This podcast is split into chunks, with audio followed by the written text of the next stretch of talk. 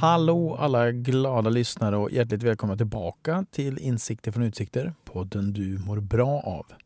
För nya lyssnare så kan jag berätta att jag heter Malte Hallqvist och det är alltså jag som driver den här podden. Och jag är så glad att du har rattat in, om man nu rattar in nu för tiden, men att ni har hamnat här på min podd. Avsnittets gäst heter Tina Turner.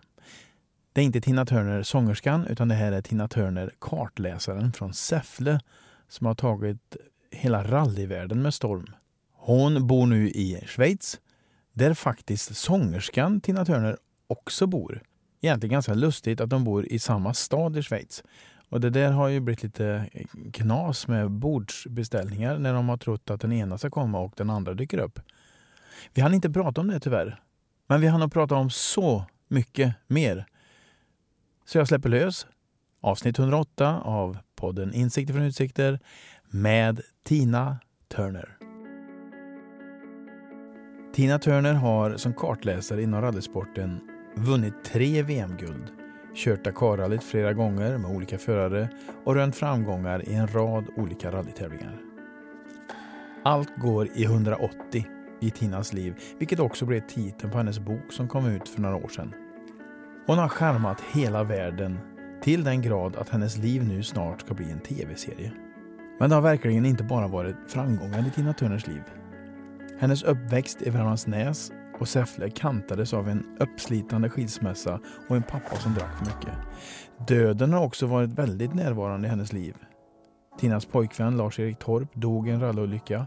Hennes far dog efter ett fall i en trappa och Colin McRae, som hon körde med under en period, dog i en helikopterolycka. Man skulle kunna tänka sig att det här skulle påverka en människa att bli lite försiktig i livet. Dämpa livslusten och rent av orsaka grubbleri.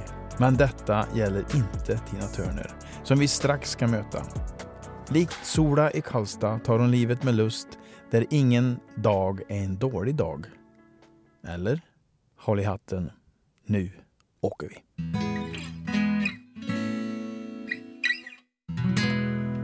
Jag levererar bara för det bästa jag kan utifrån förutsättningar som ges. Ja, vad tror du om de här förutsättningarna då? Det här kändes ju väldigt mycket bättre än vad vi hade tänkt från början. Kan du leverera tror du? Hoppas. Det här ska bli så roligt Tina. ja, det ska det bli. Mm. Hallå kära lyssnare och hjärtligt välkomna till Insikter för utsikter, podden du mår bra av. Och idag har jag en gäst som jag jagar ganska länge faktiskt. Men till slut så kom hon hit. Eller rättare sagt, jag kom till dig. Eller, ja. Ja, vi kom båda hit. Vi kom båda till Säffle. ja vi Jag sitter kom till all- mamma och du kom till teatern. Ja, jag spelar ju Så som i himlen här. Och du är hos din mamma. Men det är Värmlandsnäs va? Ja, det är Ja. Eh, så att nu har vi fått låna en liten studio här. Så kul! Vä- välkommen! Tack.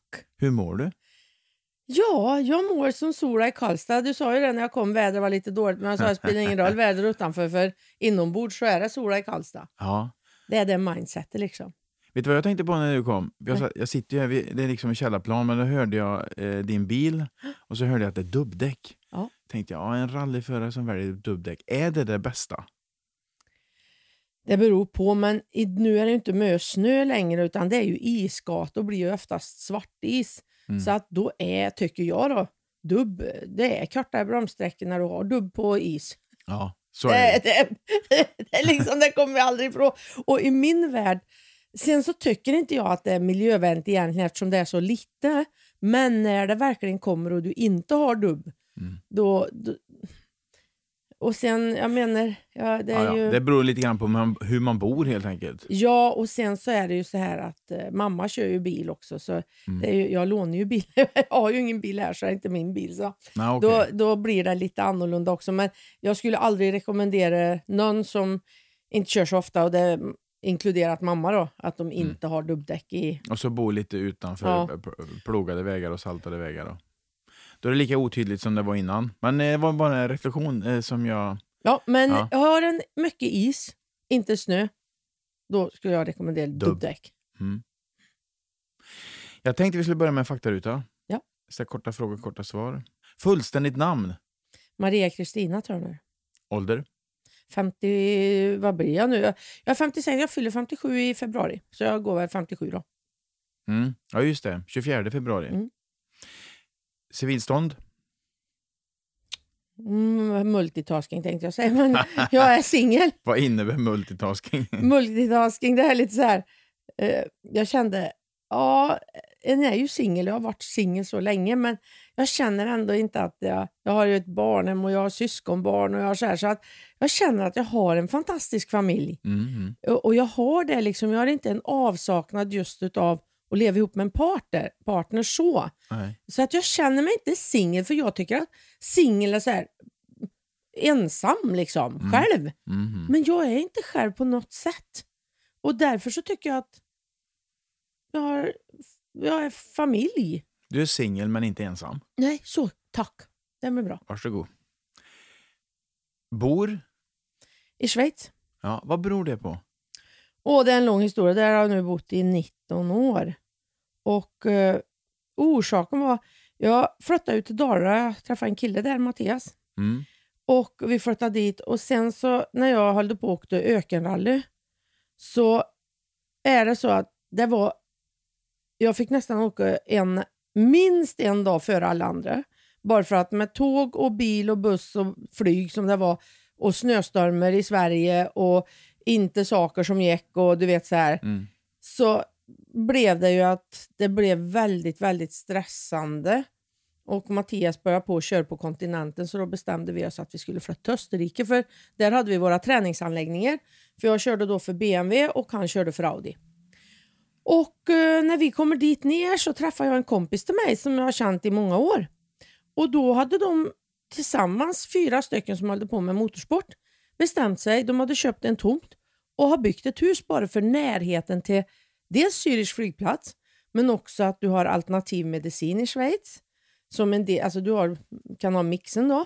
Och sen så har du Exit. Bor du i Schweiz så har du Exit. Det innebär att blir du en grönsak eller ja, du blir sjuk eller nu någonting annat då, även om du inte är vid dina sinnesfulla bruk, så kan du redan före då anmäla dig, bestämma hur du vill ha beroende på vilket tillstånd du är. Mm. Och så finns det lagrat och skrivet i din sjukförsäkring.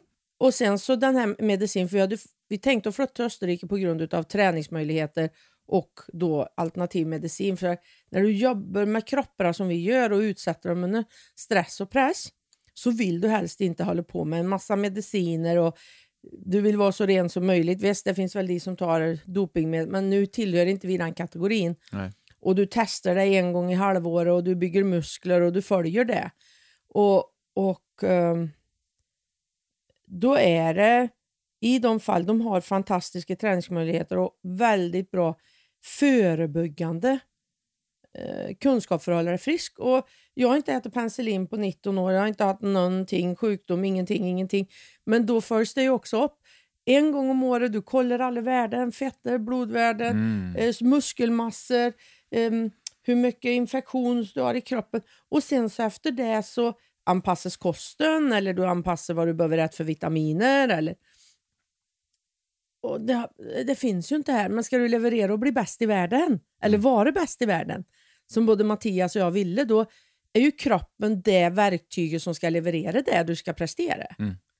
Och ju mer du kan hålla den endless power då som jag säger, utan att tillta droger eller hålla på med något annat jox i fax där som en del gör, Mhm. eh, så är det ju korta doping. Jag säger att det är heroininjektioner, korta grejer som kanske då en del sportutövare behöver jobba med medan vi har ett fokus på bygga oss själva. Mer långsiktigt, ja. långsiktigt och sen då med exit. Därför att när du åker Dakarrallyt så behövde mamma då, eftersom inte jag var gift och, och då är det den närmaste anhörig på det sättet som ska skriva på.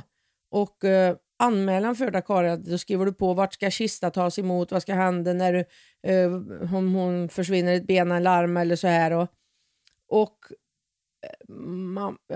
det, det är ju någonting, det är ju mitt val det jag håller på med och för en mamma så är det inte roligt att behöva ta det där liksom för det blir ju en väldigt konkret Mm. eh, genomgång. Mm. Jag skickar iväg min dotter nu i tre veckor. Jag vet inte om hon kommer tillbaka. Så jag skriver på vart jag ska, kista ska komma. Det är inte så många ställen du gör det varje år på. liksom. Nej, det låter ju ganska mörkt. Ja, och ändå mamma och lite så här. Och jag, är ute och, jag har varit med om en hel del olyckor. Mm. Och sen då börjar jag på att åka aktivt i öknen Mhm. som då är ännu större risk och många utav, ja, det har ju drabbats och varje år så stryker det med två eller tre i Dakar. Liksom. Alltså, Vi ska ta det sen. så att, Eh, men det var det jag skulle säga, så de tre premisserna var det. Mm. Och Exit då, det har jag ju med mig nu. Det, det är en enormt lättnad faktiskt. Därför att jag vet att det spelar ingen roll. Jag har mandatet att själv bestämma. Mm. Och det gör en när en växer upp på en bondgård. Det finns inte ett djur som någon på en bondgård skulle vilja låtas lidas eller plågas. nej. Du gör inte det. Det är liksom för djurets bästa. Mm. Och det tycker jag, så för mig, nej, så det var de parametrarna. Mm. Hobby? Oj, vilka listor. Jag älskar att vara ute i naturen. Jag håller på med olika grejer. Jag cyklar, spelar golf och skidor. Så det beror lite på vart jag är. Dyker när jag på de delarna i Du världen. läser en del? Jag läser absolut. Jag älskar, jag har ju alla liksom... Jag har haft encyklopedian. Har jag haft, eller det här eh, som kommer varje år. Alltså du köper ju encyklopedian. Mm, just det. Och sen har jag haft den här årliga uppdateringen av boken. Jag börjar redan, vad var jag då? Då hade jag kommit från USA. Jag köpte min första encyklopedia någon gång vid 22-23 års ålder. Men Sen, plöjer du den varje, varje år den kommer? Ja, jag sitter och bläddrar i. Ja. Och, och nu då så, ja, vissa år i och med att det har varit Dakar så kommer jag ju aldrig hem till jul och sådär och boka har blivit ståendes. För den har ju kommit till mamma hela tiden. Så mamma har en hel bokhylla med encyklopedian och de här årsböckerna. Och, men jag tycker att det är, även om man nu kan googla och göra allt liksom, men det där är ändå, du ser uppdateringar och du ser vad som har hänt och en följer de här graferna som har varit genom åren. Och nu har jag, jag har snart 60 och haft det sedan jag var 25 liksom. Mm. Äter helst? Husmanskost. Dricker helst? Vatten dricker jag ju ofta. Det bästa som finns är att... Var frisk och kry. Mm.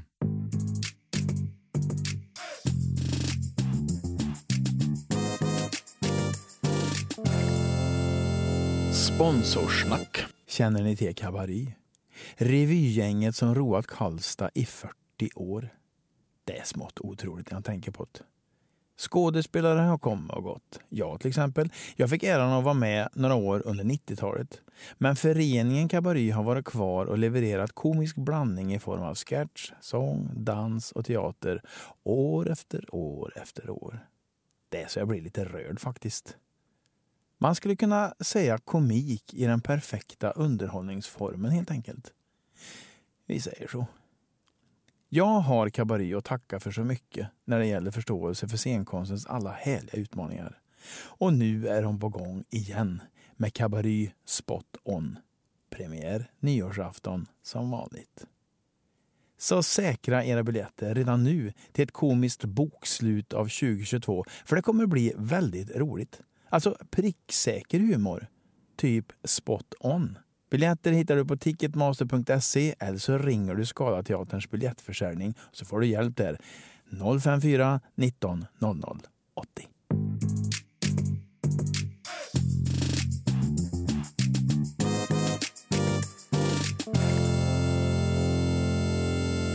Jag tänkte vi skulle ta det från början. För du växer upp i Säffle, va? Inte på Värmlandsnäs? Jo, utan- på Värmlandsnäs. Ja. Du gör det? ja, de första sju åren bodde vi hos mormor. Men mamma och pappa jobbade ju ut på gården Ja, innan okej. de byggde huset. Och då var vi sex när vi byggde det huset, eller ja, när de började bygga ett hus på gården. Så de första åren jag, då bodde vi på andra våningen hos mormor och morfar. Mm. Och var bor farmor? Hon bodde ut på gården på Norra Också? Avesta. Nej, Norra men- Avesta. Vart ligger det då? Eh, på Värmlandsnäs, vid Ölseryd. Så du hade både mormor och farmor ganska nära?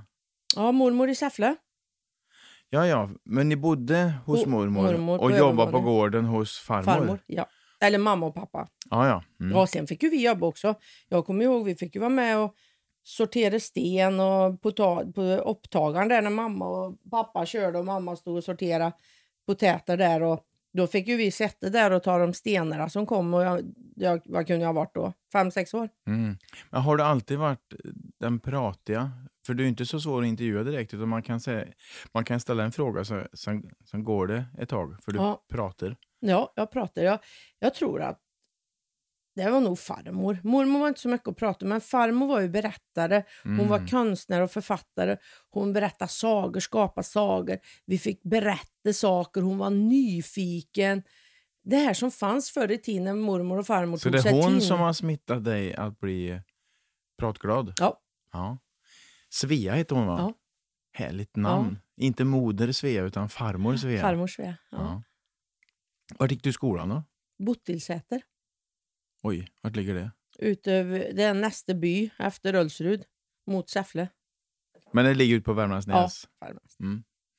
För när du, när du blir för du sa att vid sju års ålder, för det hände något vid sju års ålder?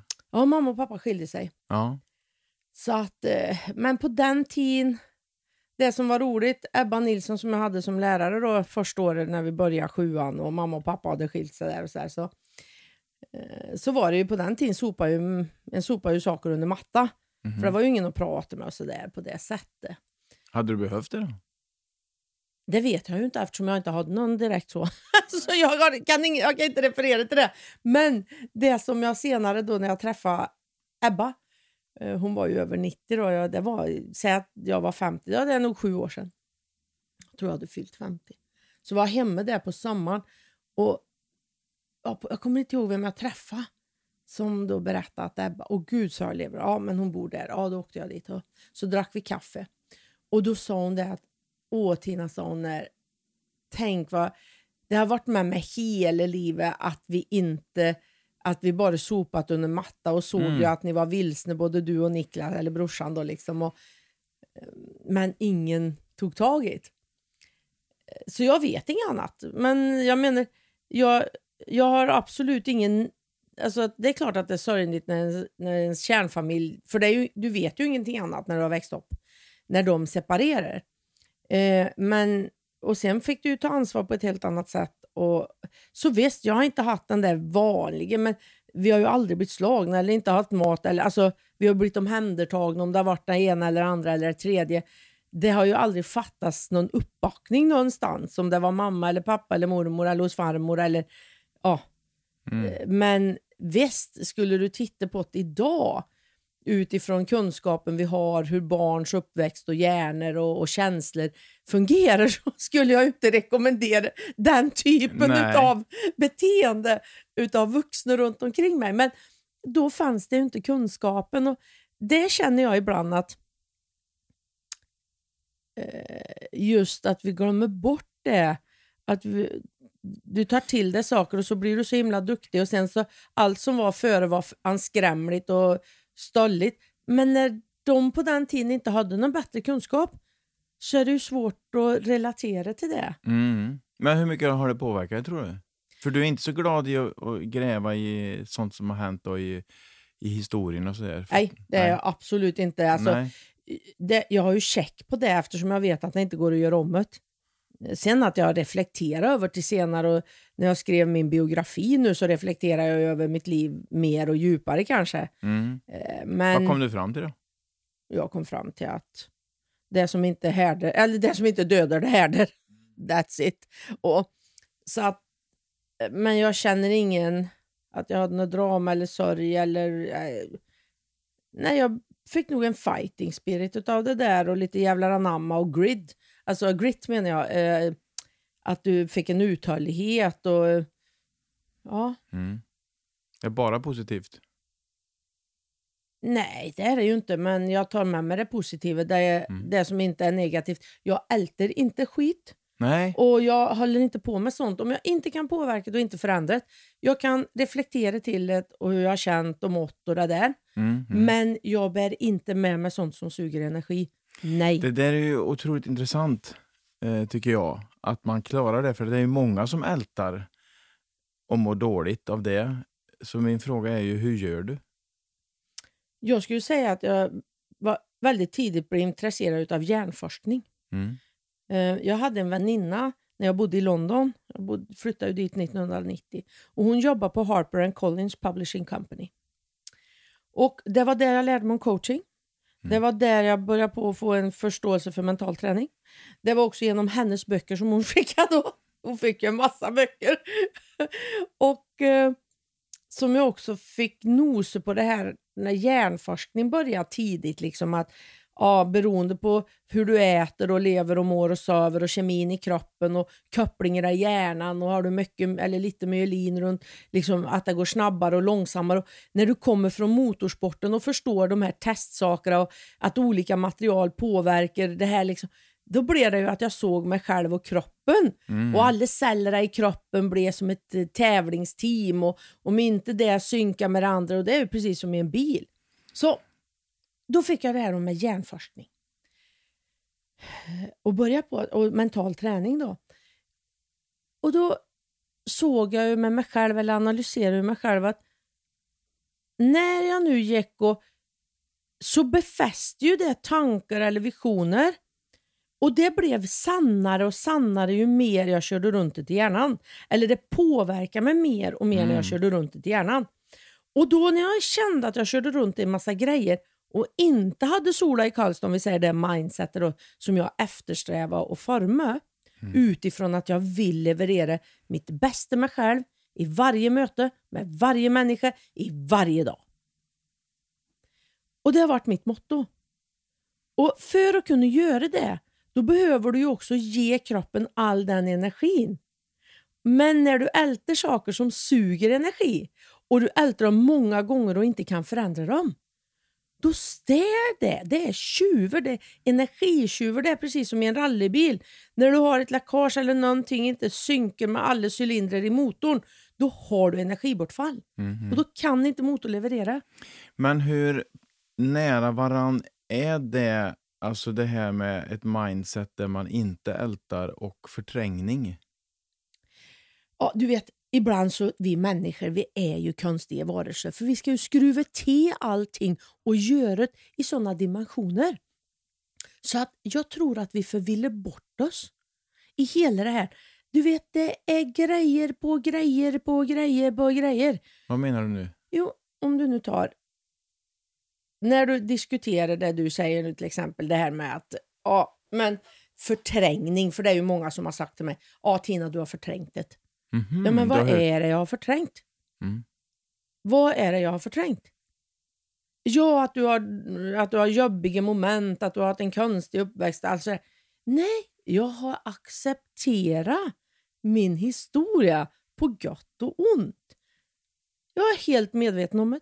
Mm. Jag tycker inte att det var det bästa jag kunde ha fått. Nej, men vad hjälper det att jag går och älter när jag inte kan förändra det? Jag kan ju inte göra om min barndom, jag kan inte få ihop mamma och pappa. Jag kan inte ta bort känslan jag kände då. Jag kan inte ta bort sorgen. Men jag kan acceptera den. Mm. Jag kan reflektera över den. Och jag kan ta med mig, men han behöver inte påverka mig varje dag för att det hjälper inte där jag är nu och framåt. Nej, jag är med dig. Och det, jag tänkte inte så mycket på ditt liv, eh, utan all, rent allmänt det här med ett mindset och förträngning. Hur, hur nära det är varann. Det är säkert nära. Du vet, det finns så många varianter av hela det här och hela våra hjärnor. Det, I min värld är det inget som är rätt och fel. Jag tror att det är mycket så här individanpassat utifrån mig själv. Mm. Sen vet ju vi att en del är födda med mer förutsättningar för att vara positiv och god och glad Mm. och andra är födda med att de har lite jobbigare och hette det eller det saknas den typen utav hormoner som behövs för det. Och det kan ju inte de hjälpa heller och då kan det ju bli att de har jättesvårt att komma till Sola i Karlstad mindset. Mm.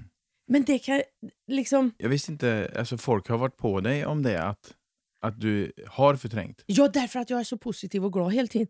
En kan inte vara så positiv och glad. Du har haft människor som har dött, du utsätter dig själv för döden, du höll på att stryka med, dina föräldrar skilde sig, ja, du vet vilken tragisk. Och jag bara säger nej, jag har ett barnhem i Centralafrikanska republiken sedan 2010.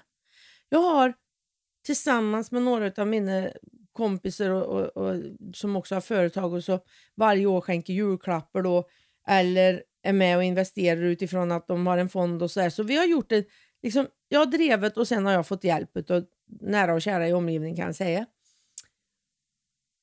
Och jag träffade Maria Teresa 2010.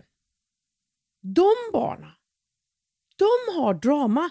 Där kommer grillasoldater och kidnappar tjejer vid sju års ålder, binder upp dem som vi binder upp hundar i kedjor och våldtar dem när de kommer tillbaka och söp sig fulla. Det för mig är drama. Det är alltså det är så hemskt så att en kan gråta bara en hört. Och inbördeskrig när de slaktade de barnen med macheta för de inte trodde på rätt gud. Vet du, när jag får det var... Säg då jag pratar med Maria Therese eller vi har uppdateringar. Sen 2010 har jag gått igenom två inbördeskrig. Vi har byggt upp barnhemmet tre, ja, två och en halv gång. Eh, de har svultit, de får eh, spä ut ris de kan köpa med stenmjöl så att det ska bli mättande i magen. Det för mig. Vilken dag ska jag klaga? Vilken Mm. dag ska jag tycka synd om någonting jag har upplevt? Eh, eh, Jag fattar, om man jämför så, så blir det ju absurt givetvis. Men man måste ju ändå få, få jämföra sig med, med sin omgivning och sin uppväxt någon gång, tänker jag. Absolut, då kan jag, alltså utifrån mig så har jag ju bara haft en positiv... Alltså jag har ju haft, i jämförelse med resten av världen och många jag där jag nu har fått levt runt om i världen, mm.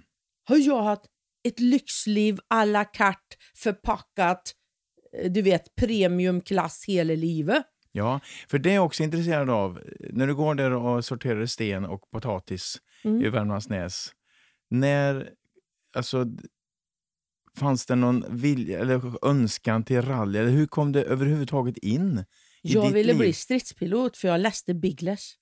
Ah, Han var ju pilot då mm. och eh, hade ju såna här, åh, nu kommer jag inte ihåg exakt vad var det för plan han flög. Det var ju eh, de här bombplanen som var efter andra världskriget. Jag är dålig på de där, men jag ser dem framför Ja. mig för jag läste också Bingles. Ja. Mm. Och i alla fall, så han var och så äventyr och så fick han se hela världen och han hamnade ju på olika ställen och det, han fick ju hoppa fallskärm och hamna någonstans, plan gick i sån, jag vet inte hur det var.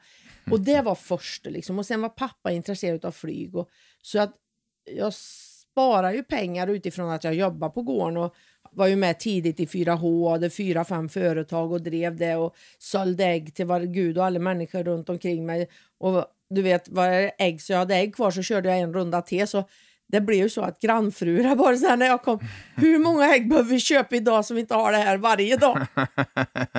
Men, du, du var ja, mm, en riktig så entreprenör. ja, mm. Mm. Så, så så började det. Och sen då så, så tog jag ju segelflygcertifikat, gjorde min första ensamflygning här på Norby flygfält. Mhm. Eh, och sen så var det ju Siv Gedda som jag faktiskt var och hälsade på nu. De fyllde ju 90 i somras. Eh, som då, hade det inte varit för henne hade pappa aldrig skickat mig till flygskolan i USA när jag var 16 efter nian. Eh, så det är jag henne evigt, evigt tacksam för. Och eh, sen när jag kom tillbaka hit så sökte jag till flygvapnet. Jag låg på F17 i Kallinge Mm. och ville bli stridspilot. Eh, och då talade de om på F17 där efter jag hade varit där den där sommaren att tyvärr kan inte kvinnor bli piloter i svenska försvaret. För att, eh, jag kommer inte ihåg exakt, men min, liksom det jag kände att jag tog med mig därifrån var ju att ja, på grund av att fruntimmer, ja mina perioder så vet vi inte om vi våra, när vi har våra perioder om vi är beräkneliga liksom för att vi har då hormonsvängningar Mhm. som är lika, var lika med humörsvängningar. Och då visste de inte om vi i stridssituationer, ja det var en lång haranger där. Jaha, du. Så att ni vid ägglossning skulle bli alldeles för snälla och inte skjuta ner folk? eller? Ja, eller tvärsom. ja. Att vi var, då kunde kanske, ja vad det nu var. Mm. Men i alla fall, men nej, vi var, vid ägglossning så blev du nog ledsen. Ja, Jag kommer inte ihåg hur det var nu. Det var nog att du lättare blev ledsen. Ja, det, ja, jag kommer inte ihåg. Men i Mm. alla fall. Så att, och då träffade jag en kille som höll på med rally. Och då började vi där och jag tror att... Det På nog inte- F17? Nej, efter jag då kom därifrån och ja. liksom, Mm. ja, vad ska jag göra nu? Jag har flugit sen, eller drömt om att bli pilot sedan jag var 13. Liksom, har jobbat för, varit Ja. i USA, flög allt, du vet. Vilken besvikelse. Så det var ju liksom pluggen ur. Ja. Men då är ju jag där igen. Ja, men, kan jag inte ändra på det? känner ju ingenting till att jag går och tycker synd om mig själv. Ehm, så då träffade jag honom och då blev det fokus på hans tävling. Och sen så hamnade jag i högerstolen, för det är ju så när du blir kär. Liksom. då vill du vara tillsammans och så Men- gör du och heter saker ni gör ihop. Och, Ja, ja. Så, Så blir då, det så. då blir du kartläsare. Mm. Och sen verkar du ha en väldig fallenhet för det. ja, Ja, du har ju vunnit massa VM och ja, åkt Dakarrallyt. Och, ja. ja. Så att, nog har du en fallenhet för det. Eh, ja, jag tror bara också att det är precis som om det är teknik eller det är när jag läser om du vet, böcker och lär mig nya saker. Det är spännande Mm. och det är nytt hela tiden. Du vet, det är nya saker som händer, du utvecklar nya saker, du får hela tiden uppdatera dig själv. Vad skulle du säga att det, det liksom, de viktigaste egenskaperna för att bli en bra kartläsare är? Lugn, Ja.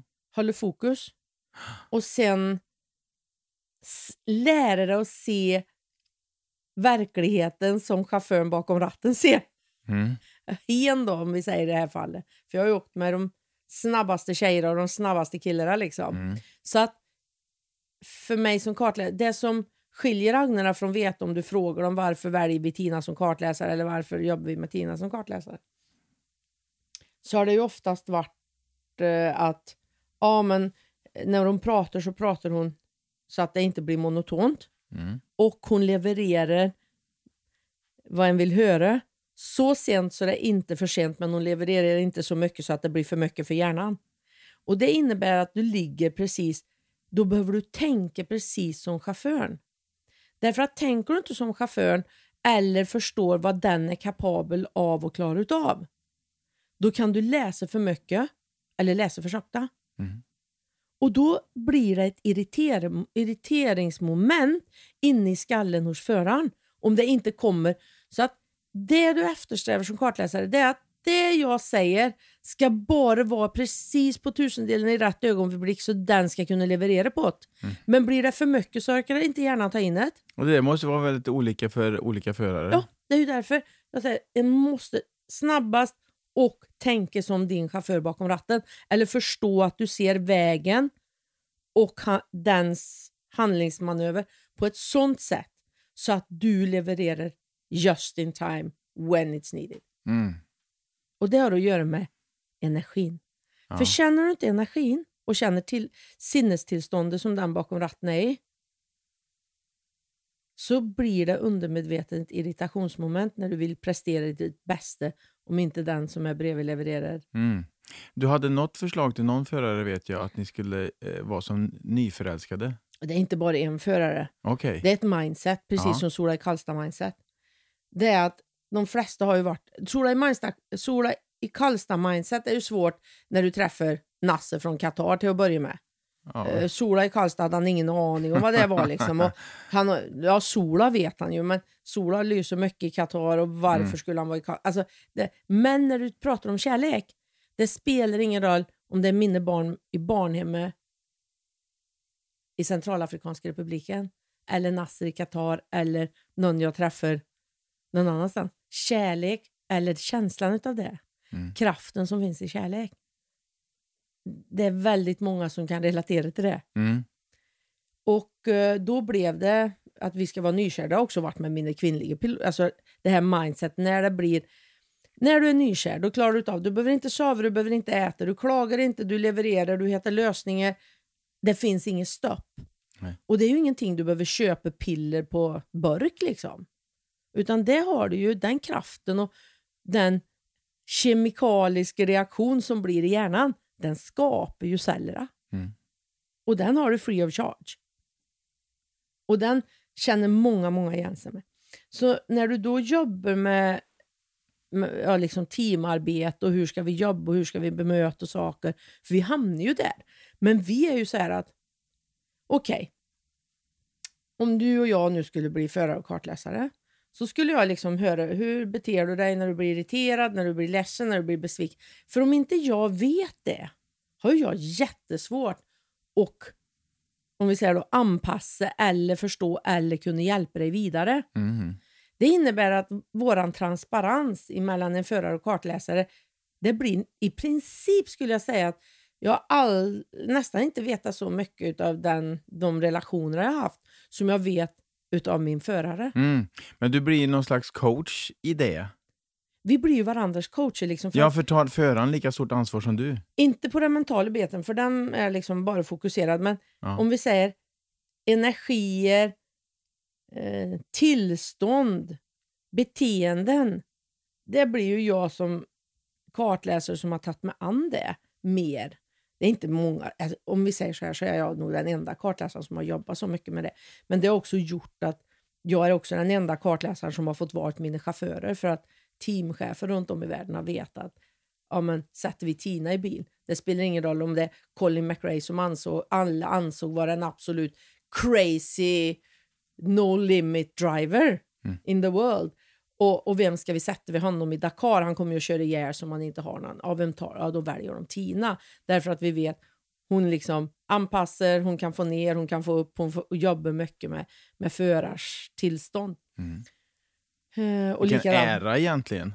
Det kändes det inte ära. så? Jo, absolut. Ja. Och det gjorde ju också att jag fick vara med och styra i mycket och jobba med hela team och få utbildningar betalade som jag gjorde för att liksom gynna hela teamets... Till, eller att jag fick ta in coacher till alla. Jag tog in alla för coaching i hela teamet, mekaniker, alla som var med.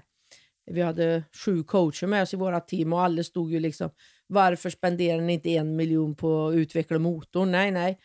Tina nu har föreslagit att vi ska satsa på sju coacher som ska vara med och coacha alla 120 i teamet. Det här var ju en jättestor förändring i motorsporten. Men det gav resultat. Absolut, absolut. Hur länge sedan är du körde rally nu? Eh, tävlings, eh, alltså när vi tävlade i VM var sista gången 2016. Mm. Saknar du det? Jag har ju jobbat med Fia Smart Driving Challenge så jag har jobbat med alla sedan dess. Så jag, Mm. jag har inte riktigt känt...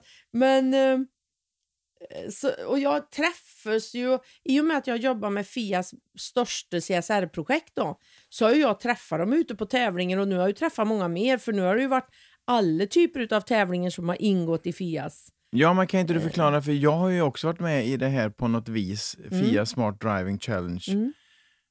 Vad innebär det för rallysporten? Det är rallysportens contribution till att kunna bidra med teknik som gör att vi kan bli mer medvetna om hur, när vi kör, att vi kan påverka våra förbrukning utav vilket drivmedel vi än har, även el. Och framförallt kunna tävla eftersom vi kommer ju från tävlingsdelen. Men det här är ett joint venture mellan FN och FIA. För att det, här är, det var det första globala projektet som de kunde distribuera ut till alla motorklubbar som kunde bli deras första hållbarhetsinitiativ utifrån de 17 globala målen. Mm. Du säger FN och FIA. Jag är inte helt säker på vad FIA är. Federation International Automobil, det är samma som Fifa i fotboll. Ah, Okej. Eh, Så det har varit deras, och det har jag ju lett nu då i 122 länder. Så jag, även under covid, det har ju varit enormt spännande eftersom jag då pratar med människor som driver motorklubbar runt om i världen. Mm.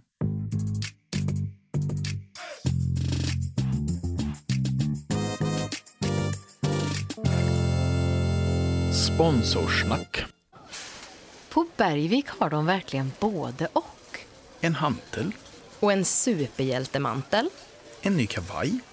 buffé och thai, En ny frisyr. Cupcakes med glasyr. Ja. Här på Bergvik. Finns det verkligen både och.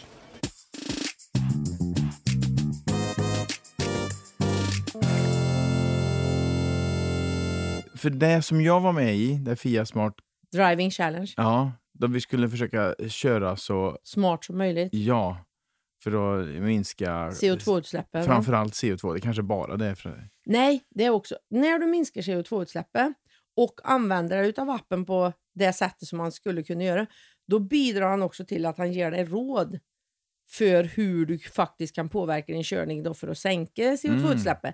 Men samtidigt så kan du mäta risken, hur riskbenägen du är utifrån din körstil och hamna i olyckor eller sådär. Okej.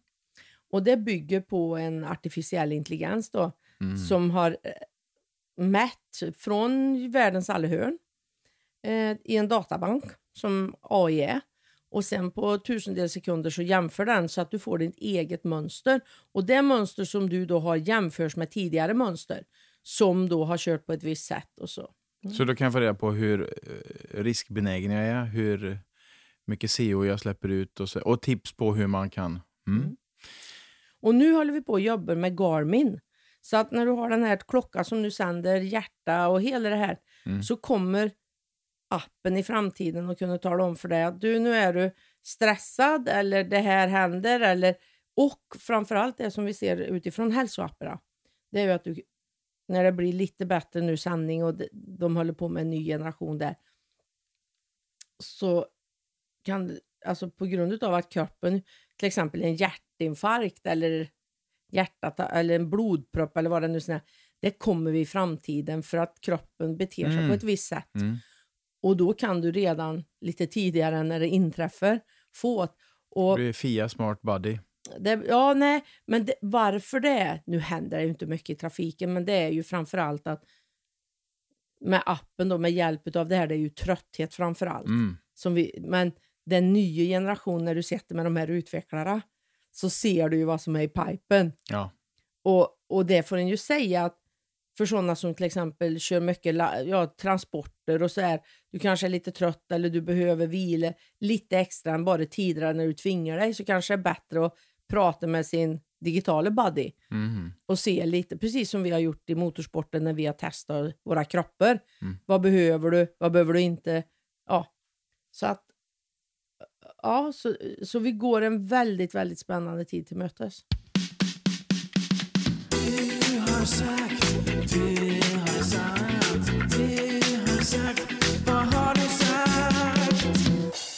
Vad var det du sa? Så jag har eh, några eh, citat. Påstående som du har hört. Ja, det, det kanske inte är sanna. Jag, jag har hört dem dels på någon podd och så läst artiklar och så vidare. Mm. Det gäller att leva oavsett vad som kommer i ens väg. Ja. Och då menar du? Lever livet fullt ut. Mm. Alltså, ta dagen som man kommer och, igen. då. Mm. inte allt, utan lever fullt ut därför att du vet ju inte om du lever imorgon. Har du några bra verktyg för dem som ältar? Hur gör man för att sluta älta? mental träning och varje gång tanken kommer upp. När du kommer fram med tanken, att tanken känns liksom det du älter då, Mm. men du ser att du inte kan förändra det eller göra någonting åt det just nu. Då brukar jag plocka ut det ur, det här är ju lite utav NLP, då plockar jag ut tanken. Och sen så försöker jag få den tanken så att han ska vara osmaklig, suga energi, kännes, äck- kännes ja. Och sen min, nu är det här bara min, då gör jag också en fysisk handling. Så tar jag den där bollen, jag brukar göra till bollar då med den här, vad jag nu håller på att älta för skit. Så gör jag det till en boll och sen så gör jag liksom, spänner iväg den ut i universum. Så får den ligga ute i universum och snurra där. Eh, och då känns det som man har liksom kommit ut ur kroppen. Jag har tagit ur ältande eller vad det nu är som och sen så skickar jag iväg den i universum för han ligger där. Ändra så kommer jag plocka tillbaka den när jag ser att jag kan påverka och förändra den eller också så är det check på den. Mm. Ja, och hur lång tid tar det där? Tänk... Det är individuellt. Det beror på alldeles på hur snabb du är. Du, jag menar, det finns ju saker som vi faktiskt lär oss. Blir vi riktigt rädda Mm. i en situation, då glömmer vi aldrig det igen och det kan ske på två sekunder. Mm. Och då har du förändrat hela ditt liv. Du kan sluta att röka på en, bara genom att få reda på ett meddelande att slutar du inte att röka så händer det här. Och då tvärslutar du Mm. fast att du har försökt att sluta i tio år. Mm. Så att vi är... Det beror alldeles på människan själv, den Mm. som bestämmer sig. Jag tränar mig i att aldrig ha en dålig dag. Det är Sola i Karlstad Mindset. Mm. När jag går upp på morgonen tittar jag mig i spegeln. Och så säger jag, eftersom jag då lever själv, God morgon världens bästa Tina. Gör så- du detta varje morgon? Ja, det skulle Ja. jag kunna säga. Alltså kanske inte hundra procent. Den kan inte, men ja, Ofta? Väldigt, väldigt ofta. Och sen så har jag oftast bra musik. Så att det är lite drag. The White Snake? Ja, det gillar jag. Whitesnake. Den är en sån här befästad trigger i alla mina celler. Som urskiljer sig från många andra låtar som jag då tycker om att lyssna. Men alltså att det blir lite uptempo, trevlig musik, God morgon världens bästa Tina. Hur ska du ha dagen idag? Då har, vet jag ju oftast vad som ska hända. Och sen så det som jag inte vet, det får jag ju lösa nu med Tina. Men jag tänker också, ibland är det ju dåliga dagar. Ja, då går jag aldrig upp ur sängen och det kanske är tre, nej det är inte tre om året, det är två om året då. Ja, men jag tänker på eh, många som är ute och pratar om mental hälsa pratar om acceptans mot, ja vissa dagar är inget kul. Det, det ingår i livet. Och här blir det lite krock i det märker jag. Men det är ju så här att om jag känner att det blir krock, då tänker jag på mitt barnhem. Och då blir det ingen krock. För Mm. att jag har så mycket bättre än dem. Så då, det, finns, jag har inte, det har inte hänt något i mitt liv. Men om man inte har ett barnhem då? Nej, och det är ju därför det, det här är ju bara utifrån mig. Ja. Jag kan bara prata utifrån mig. ja. Eh, sen kan jag inte säga alla människor är unika och alla människor måste hitta sitt recept. Men jag tror att jag har ju samma celler och hjärta och min kropp fungerar ju. Sen vet jag inte kopplingar i hjärnan och det här med all eh, substanser som måste till för att den ska klara utav det vet jag inte. För det vet jag inte Men när hur du har en dålig dag så kommer du inte ur sängen säger du? Om det är en sån här riktigt dålig dag, det Ja. kan jag ju ha, då går jag aldrig upp ur sängen. Och varför jag medvetet inte går upp ur sängen, det är för att jag ska ligga där så att det blir så tråkigt, så att jag inser hur dumt det är att slösa bort minuter eller timmar på dygnet på någonting som jag inte kan påverka. Mm. Så att då tvingar jag mig själv till att tycka att det är extra jobbigt och tråkigt och jävligt. Och då minimerar jag de dagarna.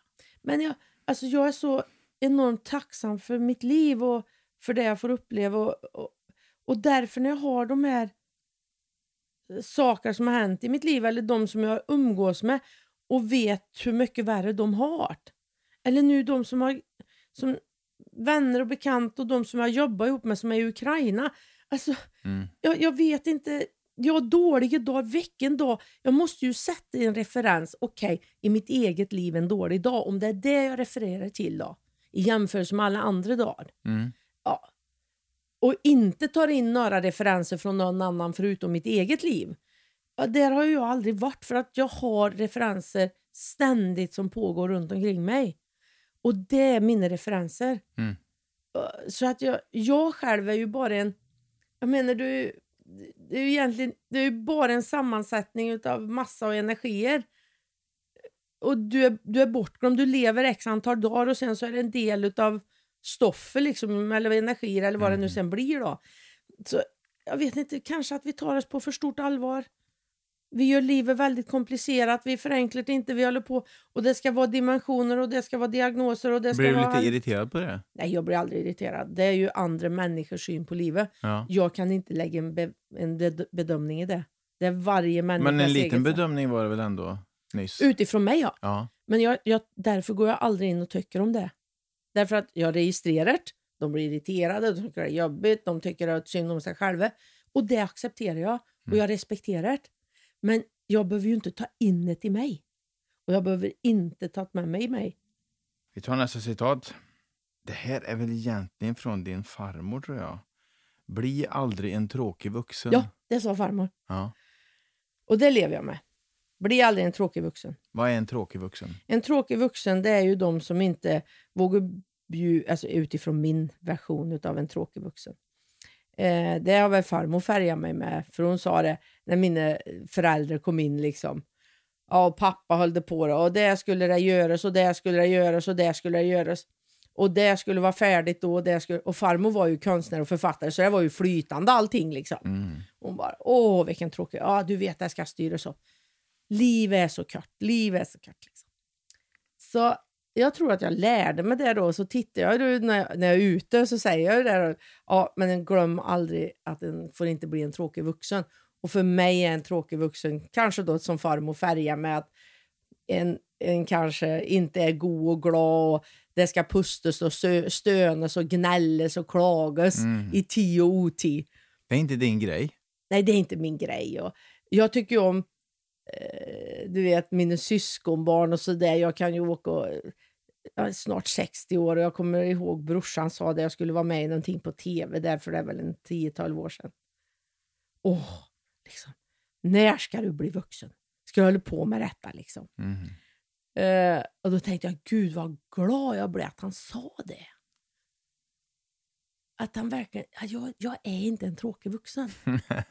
Gud vad glad jag blir. Mm, mm. Så att jag är nog lite, och många tycker ju då att jag tar för lättsamt på, eller många, det jag hör ifrån en feedback, jag tar lätt på livet. Ehm, att, men Tina, liksom, en kan inte vara glad jämt och en kan inte göra det här jämt och det här. Men jag säger, jag har ju aldrig känt att när jag har varit ledsen eller tycker att det är jobbigt att det har berikat mig och jag har blivit bättre eller mår bättre. Inte? Nej, jag, nej. Att man får gråta ut över något som har varit Jo, men jobbigt? gråter gör jag ju. Ja. Men jag, jag känner inte att... Alltså jag blir När, ju grå, ledsen. när, gråt, när grät du senast? Det var en film jag såg på som jag tyckte var ledsam. Mm. Men jag kommer inte ihåg vilken nu. Men ibland ser jag ju sådana filmer där det är oftast som är byggt Men om det på inte är film då, utan det är ditt I liv? mitt eget liv. Mm. När jag gråt jag sist? Då gråt jag av glädje sist. Det var när hela familjen kom och var med på Sing Secret Song, hette det. Då gråt jag. Men då var det ju glädjegråt. Mhm. Eh, ledsamt gråt. Mm. Nej, det var nog film. Jag kommer inte ihåg. När jag gråt för jag var ledsen. Det är ju säkert när någon dog.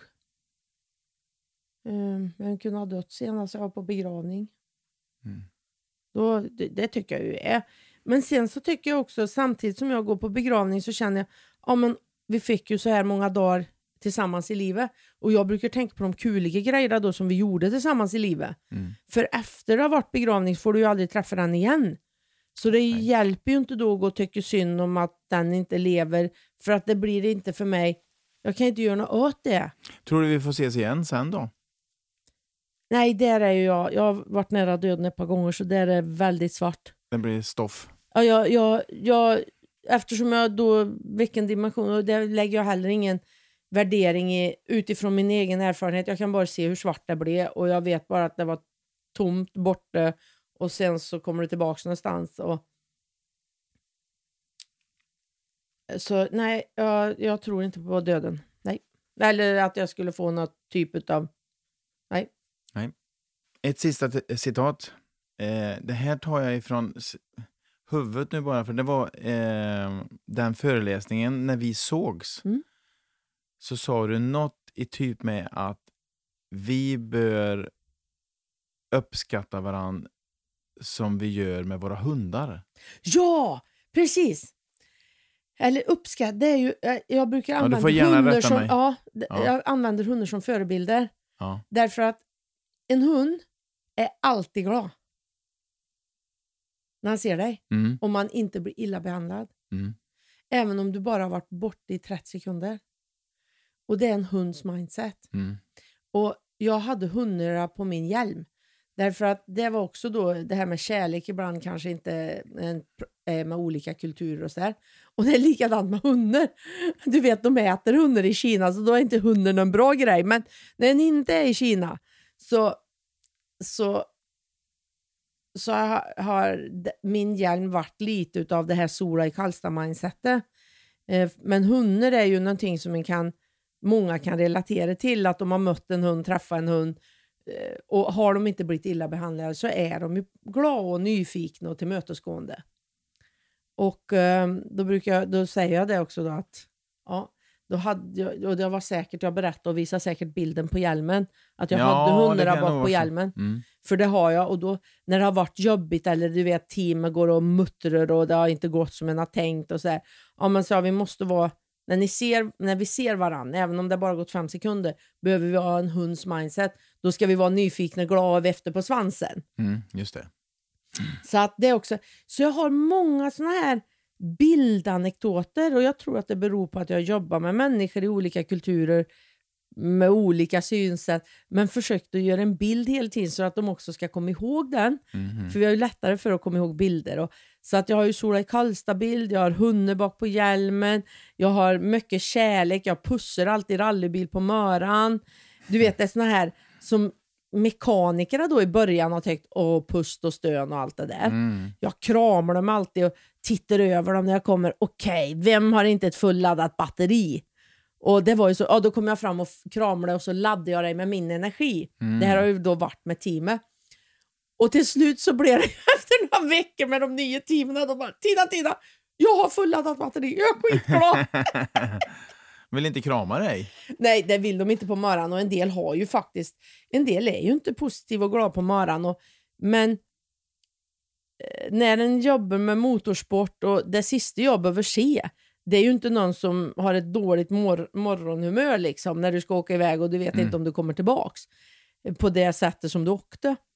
Eh, och det har jag också förklarat för dem att går de och inte liksom kan stråla att de älskar vad de gör eller är delaktiga i någonting så sätter det sig också i bakhuvudet att det är väldigt lätt att du missar saker eller du börjar på att prata och Mm. en pratar om andra, en pratar inte med om en inte mår bra. Så att det har varit väldigt, väldigt medvetna om att alla i teamet eh, och deras respektive också har fått coaching, fått veta mental träning. Det är inte bara för oss som kör bil. Det är lika mycket de som påverkar oss i vårt arbete. Mm. Eh, och vi behöver och vi behöver träna hjärnan. Utifrån vårt biologiska så har vi ju dåliga dagar eller vi har högre eller mindre energi och sådär.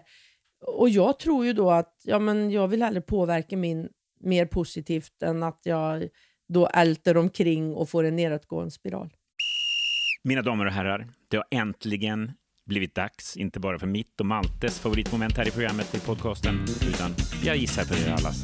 Det har blivit dags för Tombolan!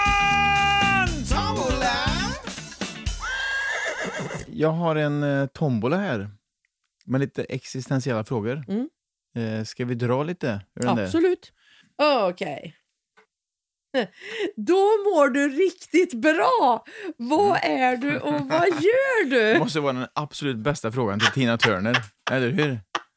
Men du ser, energiera. Bara dra den du vill ha. Men du ska dra lite fler. Så, Alltså, så- ja, ja, ja, men ja. nej, nej, vi börjar med den. Du får svara på den först. Jag skulle säga att det är när jag är med mina syskonbarn Mm. och vi gör något som de älskar att göra. Och en del rider och en del spelar hockey och en del håller på med dataspel och andra är jägare och sådär. Men när jag ser glädjen i dem och de utvecklas, ja, då mår jag riktigt bra och då är jag liksom, jag känner deras energi och är ett med dem. Ja. Mm. Vi tar nästa. Hur många syskonbarn har du? Åh gud. Eh, det är nog en 13. Nämn tre saker som ger dig energi. Förstår du känslorna här nu? Ja, det syns på hela dig, Tina. Nu ser ju inte lyssnarna det här, men du, du, skiner som solen i Karlstad kan man säga. Tack. Då känner jag mig trygg. Mm. Ehm, tre saker som ger mig energi. Det är absolut att jag får sova på kväll. Ja, du är tidig i säng. Nej, nej. Jag, jag, klockan det glömmer jag. Bara jag får sex timmars sömn. Ja, ja. Om det är X före, efter eller mitt emellan. Mm. Sex timmars sömn, då känner jag mig god och glad. ja. Men eh, jag kan också gå två dagar utan att jag sover, men då måste jag jobba med mitt mindset. Men det, och det, det ger mig energi att jag vet. Hur ofta... också- Ursäkta. Hur ofta är du vaken två, dagar i, eller två dygn i sträck? Jag vet inte, det kan hända ibland. Ah. Jag tror att det har att göra med Dakarrallyt. Under alla år vi körde Dakar, vissa nätter så sa vi kanske bara två timmar eller så Mm. och var tvungen att leverera. Och jag vet inte efter de här, jag har ju åkt tio Dakarrally så jag är ju tio år på raken liksom. Mm. Och sen så har det varit i andra situationer, vi har ju åkt rally förutom Dakar också, där det har varit stressat och pressat och sådär. Jag vet inte om kroppen har tagit till sig det. Jag kan inte förstå det, men det bara inträffar. Och då kan jag inte sova. Mm. Men det är inte så Va, att jag går och gör, tänker. vad gör du då? då? Nej, men då brukar jag läsa för jag försöker Ah, att bli ja. trött. Mm. Men jag blir ju heller inte trött för ofta så läser jag, jag typ um, ja, ny vetenskap eller nya böcker om människor och utveckling och allt sånt där. Eh, Eller teknik. Och då tycker jag det är så roligt så då blir jag heller inte trött. Så att där är det ju då. Och det som också ger mig energi det är faktiskt att umgås med de som berikar mitt liv. Det kan vara vänner eller familjen eller att jag är tillsammans med sådana som ja, Mm. god och glad, berättar historier, sitter och dricker en kopp kaffe, bara mår bra utifrån där de är i livet. Det behöver inte vara något märkvärdigt, men Nej. det tycker jag om. Det ger mig energi. Och sen så det tredje som ger mig energi, det är faktiskt att jag har möjligheten att få jobba med det jag älskar och har fått gjort hela mitt liv. Så att jag aldrig någon gång hittills har känt att jag har gått till ett jobb. Mm. Och jag jobbar nog mer än många andra. Det tror jag. Så att de tre grejerna ger mig energi för att allt jag gör känner jag berikar mig eller ger mig nya kunskaper eller jag får träffa nya människor som allting är positivt. Alltså, Mm. så att jobbet och mitt liv, det ger mig energi. Det kanske bara är positiva grejer. Vad är du mest tacksam för? Det är att jag är frisk och kry, att jag har hälsan, Mm. att cellerna i kroppen jobbar med mig. Mm. Det är jag mest vi, glad tar, för. vi tar den sista. Det bästa tipset du någonsin fått? ja, det skulle jag säga från farmor. Ja. Var inte en tråkig vuxen.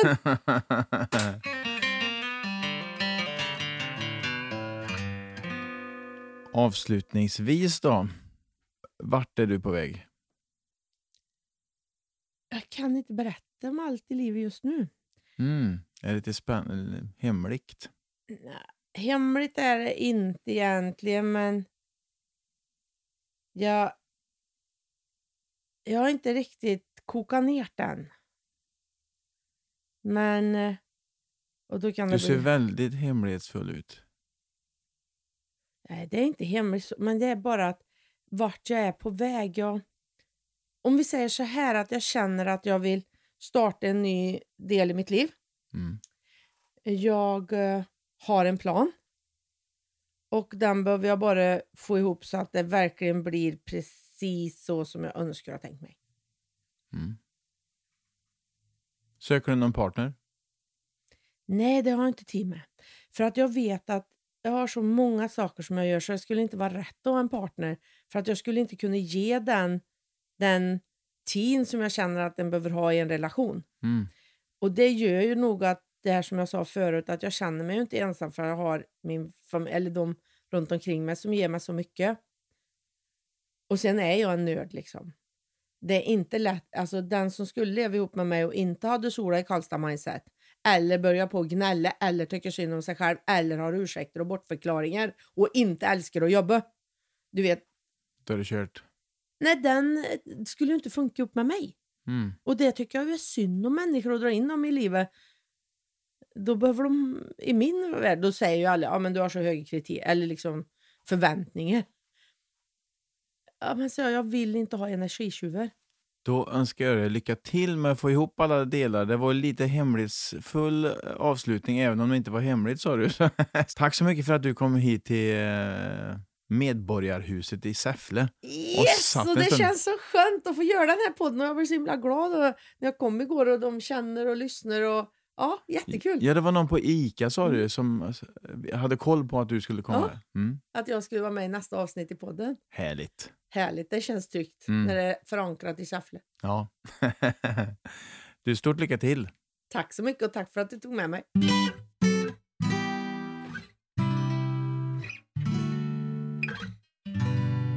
Ja, där fick vi oss en liten åktur, må jag säga.